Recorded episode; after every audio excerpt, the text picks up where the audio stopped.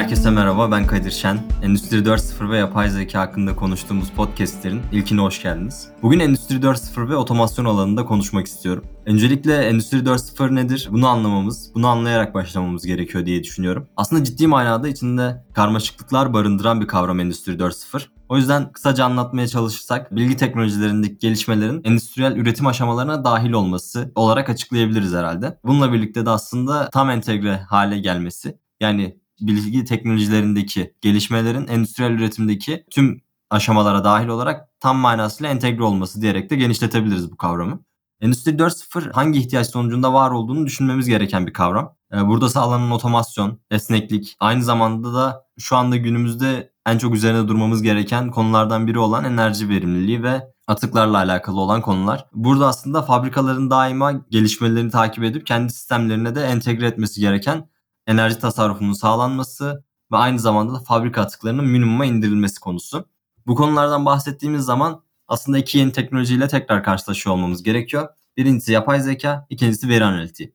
Çünkü bu teknolojiler sayesinde aslında biz bunları sağlayabiliyoruz. Çünkü bu tahminler sayesinde biz optimize ederek enerjinin verimliliğini arttırabiliyor. Aynı zamanda da kullandığımız ürünlerden elde edeceğimiz atıkların minimuma inmesini sağlayabiliyoruz. Ee, bu podcast'in de başlığında olan otomasyon kavramını bir başka bakış açısından incelenmesi gereken bir kavram aslında bu da. Çünkü aslında Endüstri 4.0 ve otomasyon kavramı genellikle ikisi yan yana olarak anılıyor. O yüzden insanların kafasında da yanlış bir düşünceye sebep olabiliyor Endüstri 4.0 gibi. Otomasyon kavramı da aslında 21. yüzyılda hayatımıza girmiş bir kavram mıdır? Tabii ki değildir. Endüstriyel otomasyon dediğimizde daha ilkel toplum düzeylerine dahi gidebiliriz. Buralarda da görmemiz mümkündür bu kavramı. Yani en ufak bir üretim işinin e, yalnızca ufacık bir parçasının dahi otomatize edilmesi endüstriyel otomasyona örnekler olarak verilebilir. Burada aslında endüstriyel otomasyondan bahsettiğimiz zaman insan gücünün tamamen ortadan kaldırılmasına yönelik bir çalışma alanı olduğunun farkında olmamız gerekiyor. Yani endüstriyel otomasyondan bahsederken endüstriyel otomasyonun tam manasıyla hayatımızın parçası olduğunda böyle bir senaryoda insan gücünün tamamen ortamda bulunmayacak bir halde olduğunu fark ediyor olmamız ve buna göre bakış açımızı şekillendiriyor olmamız gerekiyor. Burada bahsettiğimiz insan gücü tam manasıyla insan gücü çünkü insanın karar mekanizması ya da kontrol mekanizması olarak işleyen süreçlerde görev almasından bahsetmiyoruz. Burada insan dediğimiz, insan gücü dediğimiz kısım insandan kurtulmak istediğimiz alan aslında yeterli ve verimli olmayan kas kütlesinin kullanılması. E, bunu bir kenara itmeye çalışıyor aslında endüstriyel otomasyon. Ve aynı zamanda insana dair katkısı da şu yönde. İnsanı insan yapan özelliklerimiz yani yaratıcı olmamız, problem çözmemiz gibi alanlarda iş gücüne dahil olarak asıl katma değeri hem iş için hem de kendimizdeki hayatı anlamlandırma kısmında yaşıyor olmamızı sağlayan bir teknolojiden bahsediyoruz. Burada aslında endüstriyel otomasyonun nelere sebep olduğunu, hangi sektörlerde ortaya çıkıp gelişimine nasıl devam ettiğini de anlamamız gerekiyor ilerleyen süreçlerde yapacağımız işler için çok önemli bir katma değer sağlayacağını düşündüğüm bir alan bu. Her konuda aslında böyle olduğunu söylemek mümkün. En azından benim için böyle. Bu alanlarda çalışmak ve bu teknolojilerin üretilmesinde rol almak isteyen e, insanların naçizane tavsiyem aslında o alanın başlangıç noktasına kadar dönerek tarihsel süreçte ciddi bir araştırmaya girişmeleri. E, burada bir söz, bir alıntı yapmak istiyorum. Genel manada ekonomi alanında söylenmiş bir söz ama e, çok beğendiğim ve e, hayatıma dahil ettiğim sözlerden olduğu için sizinle de paylaşmak istedim.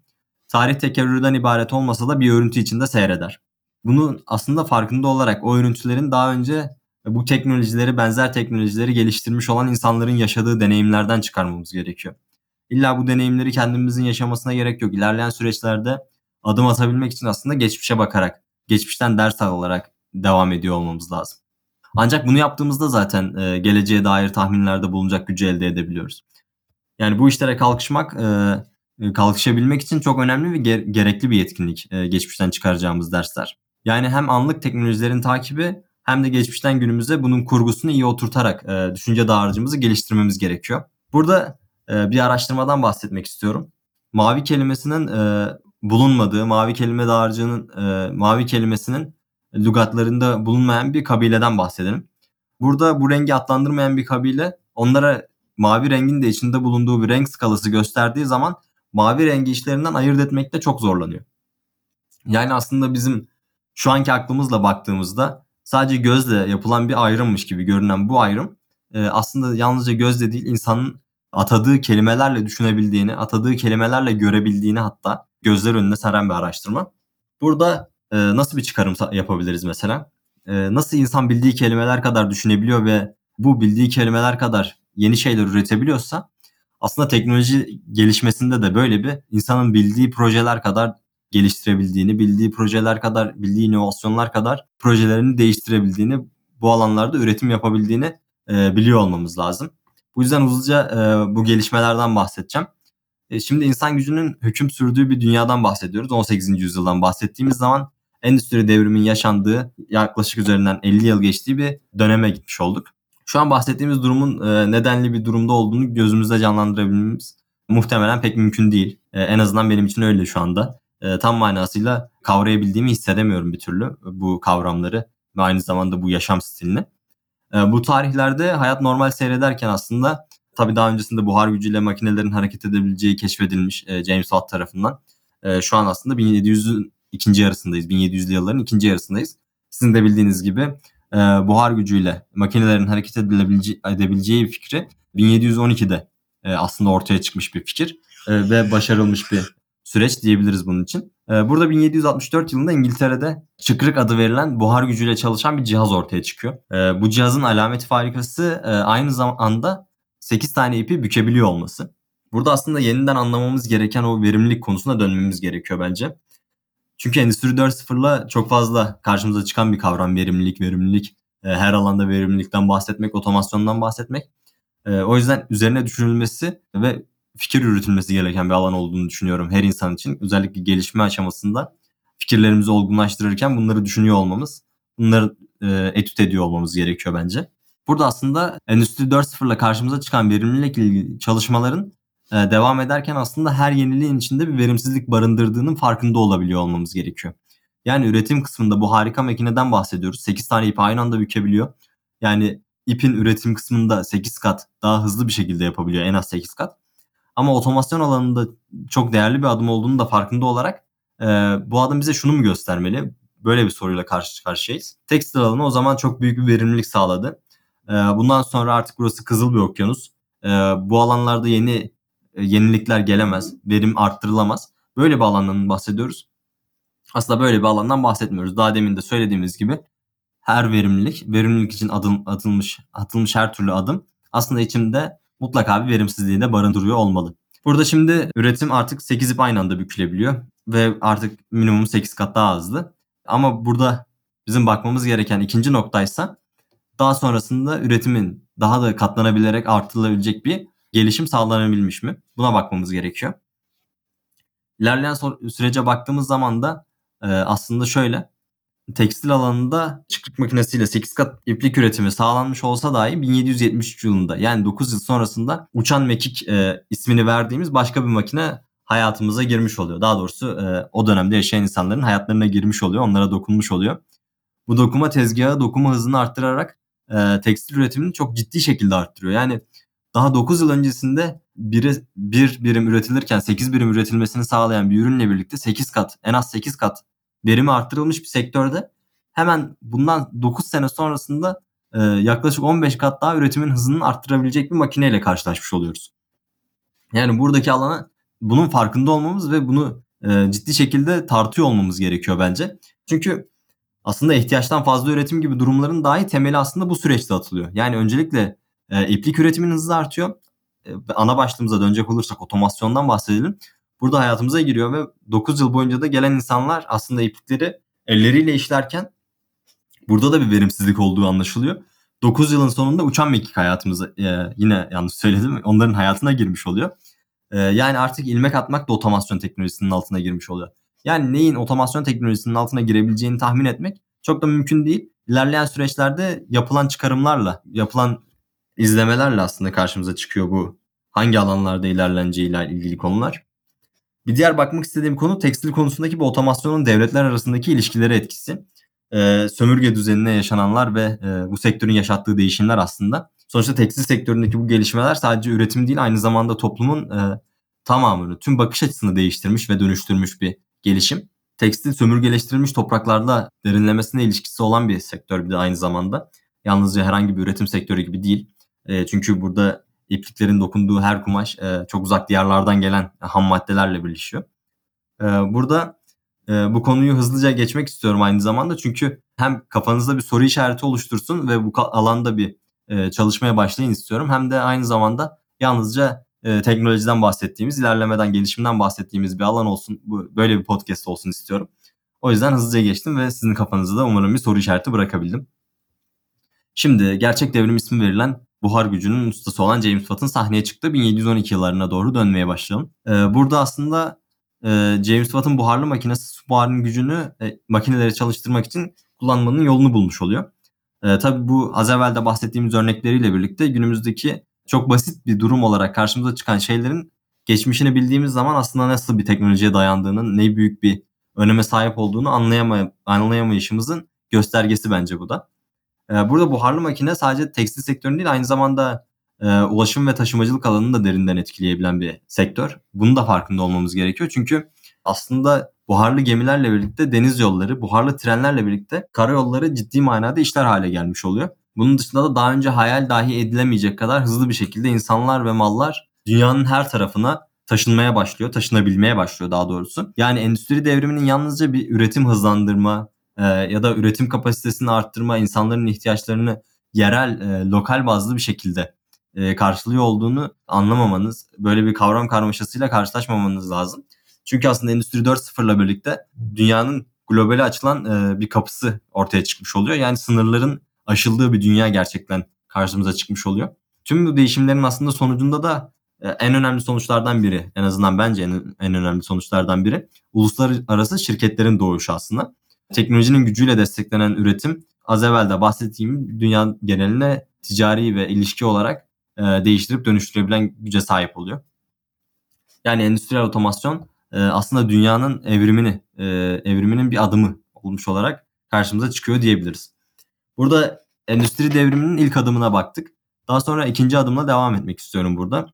Endüstri 2.0 dediğimiz bu dönemde elektriğin kullanıldığı senaryo hayata geçmiş oluyor. Burada aslında az evvel harika başarılar e, getiren işte müthiş bir devrim olarak bahsettiğimiz buhar devriminde buharlı makinelerin hayatımıza girdiği, buharlı trenlerin, buharlı gemilerin, e, buharlı fabrikaların aslında buhar gücüyle çalışan fabrikaların e, üretimi arttırarak karşımıza çıktığı dönemi e, bir anda çok verimsiz, çok ilkel bir şekilde görmeye başladığımız bir dönem karşımıza çıkmış oluyor. Yani artık elektrik enerjisiyle üretimler yapılıyor ve buhar enerjisine göre daha verimli bir yol bulunmuş oluyor. E, bunu da aslında insanoğlu e, çabucak ayak uydurmuştur muhtemelen. Çünkü e, geçmişe bakarak değil, aynı geleceği, tah- geleceği tahmin ederek hareket etmemiz gerekiyor. Buna ayak uydurmamız gerekiyor. Bu arada bunlar arasından da elektrik devrimiyle birlikte hangilerinin gerekli kazanımlar elde edeceğini ortaya koyarak her zaman daha iyi hale gelmek için e, uğraşmamız gerekiyor. Burada bu konuya çok güzel bir örnek var. E, bence çok, çok derin bir örnek. Nokia telefon örneği. Burada e, Nokia'nın e, CEO'sunun Nokia'nın batış gününde toplantıda verdiği e, basın toplantısında ağlayarak bahsettiği biz hiç hata yapmamıştık. E, ancak durumlar böyle gelişti ve şu anda battık gibi e, bahsettiği süreçte. Her gün bir yeniliğin geldiği dünyada bu yenilikleri takip edemeden ilerlediğimiz sürece e, aslında yanlış şeyleri yapıyormuşuz diyebiliriz kısaca buna. Yani her türlü gelişmenin takibinde, her türlü inovasyonun takibinde olmamız gerekiyor. Özellikle bugünlerde e, bir işimiz varsa bunları her zaman daha iyiye nasıl götürebilirim diye düşünerek hareket etmemiz gerekiyor. Daha sonra Endüstri 3.0'a e, geçmek istiyorum şu anda. Aslında burada da karıştırılan bir kavram var. E, çünkü Endüstri 3.0 bilişim teknolojilerinin üretime dahil olmasıyla başlamış bir süreç olarak e, adlandırılabilir. Burada Endüstri 4.0'ı da neredeyse bunun gibi bir açıklamayla anlatmıştım kısaca. Burada ama kapsama alanının daha dar olduğunu e, değinmek lazım Endüstri 3.0'ın. Çünkü e, Endüstri 3.0 devriminde biliş, bilişim teknolojileri yalnızca kısıtlı alanlarda, özellikle verimlilik gibi alanlarda e, üretimde yer alıyorlardı. Bir örnekle açıklayabiliriz isterseniz Endüstri 3.0 ve Endüstri 4.0 arasındaki farkları. Burada CNC makinesinden bir örnek vermek istiyorum. Endüstri 3.0 zamanında e, yani 20. yüzyılın ikinci yarısında e, CNC makineleri insanların bir bilgi girişi yaptığı, e, bunun sonucunda makinelerden bir çıktı elde etti. E, makinenin kendi üzerinde veri tutmaya ya da herhangi bir optimizasyon yapabilecek kapasitede olmadığı durumlardayken şu an baktığımızda artık makineler e, CNC makinesi Endüstri 4.0'dan sonra insan girisine ihtiyaç duymayan bir makine. E, eskiden tuttuğu veriler sayesinde işlem yapabiliyor. Ayarlanmış programlar üzerinden kullanımına devam edebiliyor. Hatta e, üretimi kolaylaştırıcı veri kullanımında sağladığından bahsedebiliyoruz. Yani üretim üretimi kolaylaştıran ve verimliliği arttıran aksiyonlar alması da mümkün yani bu cihaz, cihazların. Peki bu nasıl gerçekleşebiliyor? Bunu anlamamız gerekiyor aslında bizim. İlerleyen süreçlerde daha iyi atılımlar, e, daha büyük gelişmeler sağlayabilmek için. Burada aslında bilişim teknolojilerinde e, endüstriyel üretimde kullanılması diyoruz ama hangi bilişim teknolojileri e, hangi alanlarda, ne şekilde, hangi uzmanlıklarla birleşerek bunları kullanıyoruz? Bunu anlamalıyız. İlk bahsetmek istediğim kavram nesnelerin interneti yani IoT. Bir ağ üzerinde e, makinelerin birbirleriyle iletişim kurabilme becerisi diyebiliriz kısaca buna, e, bu teknolojiye. E, aslında bu teknoloji sayesinde makineler üzerlerinde veri toplayabiliyor. Hem de bu verileri paylaşabiliyorlar aynı ağ üzerinde. Yani verimlilik süreçlerinin kontrolünde ciddi bir öneme sahip olduğunu söylemek mümkün. E, bir örnek vermek gerekirse mesela General Electric fabrikasından örnek vermek istiyorum. Burada tam manasıyla akıllı fabrikaya örnek verilebilecek bir fabrika General Electric'in e, Kocaeli'nde bulunan fabrikası. E, burada şöyle bir süreç. Makineniz 100 kilo demire, 50 kilo bakıra vesaire ihtiyaç duyuyor. Haftaya salı gününe kadar bir üretimi tamamlaması lazım. Bunu sizin tespit etmeniz ve sizin bu makineye bu malları girip e, eklemeniz lazımken bu makine bunun ihtiyacının olduğunu kendisi fark ediyor ve bunu depoya bildiriyor. Depoda e, nasıl bir sürecin gelişmesini beklersiniz? E, depoya gelen bu verinin, bilginin bir insan tarafından gözlemlenerek depoda bir araştırmaya girişip işte gerçek bunlar var mı bizim elimizde e, böyle aletlerimize, davatlarımıza ihtiyaçları karşılayabilecek kadar mı diye bakıp e, buna göre bir aksiyon alması iken aslında akıllı fabrika dememizin e, sebebini anlayabileceğimiz bir gelişme var burada. Depoya depoya giden bilgi aslında herhangi bir insanla bir araya gelmiyor. Direkt makinalarla, direkt depoyla birlikte haberleşmiş oluyor. Burada deponun aldığı veriden yaptığı çıkarımla bu malların, bu ürünlerin elde edilip edilemediğini kontrol ediyor. Eğer varsa e, bunun tedariği için hızlıca bir atılımda bulunuyor. Eğer yoksa da e, bu malların nasıl tedarik edilmesini beklersiniz. Bu sefer artık insanın işin içine girdiği ve tedarik zinciriyle, e, tedarikçiyle daha doğrusu e, bir iletişime girdiği ve bunun sağlanması için bir zaman belirlediği vesaire bir e, senaryoyu beklersiniz ama burada da insan işin içine girmiyor. Bu sefer de depo tedarikçiyle bir iletişime geçebiliyor. Yani tam manasıyla IoT teknolojisinin işin her adımına entegre olduğu bir teknolojiden bahsetmiş olduk burada bu fabrika örneğiyle. Bunun dışında baktığımızda da IoT teknolojisinin aslında daha detaylı anlaşılması gereken önemli bir teknoloji olduğunu düşünenlerdenim. Örneğin akıllı saatlerde de e, sizin sağlık verileriniz daima paylaşım halinde tutuluyor olabilir. Ya da mesela geçmişe yönelik verilere ulaşabiliyorsunuz. Bunlardan çıkarımlar sağlanabiliyor. E, buna dair bir örüntü yakalanıyor vesaire. E, bu da yine IoT teknolojisiyle sağlanan gelişmelerden sağlanan bir teknoloji. IoT teknolojisi sayesinde günümüzde karşımıza çıkan bir yenilik. Bunun dışında ikinci önemli bileşen de büyük veri ve veri analizi teknikleri. Burada IoT kısmında bahsettiğimiz verilerin yanı sıra aslında fabrikaların üzerinde de birçok veri tutuluyor. Bunun da farkında olmamız lazım. Hem üretim aşamaları hem ücretlendirme gibi çalışan gibi aşamalarda da birçok raporlama mevcut. Ya da mesela iş kazalarından bahsedebiliriz. Burada iş kazalarının nasıl gerçekleştiği, herhangi bir ihmaller var mı ya da bu alan hangi alanlarda, hangi bölgelerde iş kazalarının daha sık yaşandığını anlayabilmek için raporlamalar.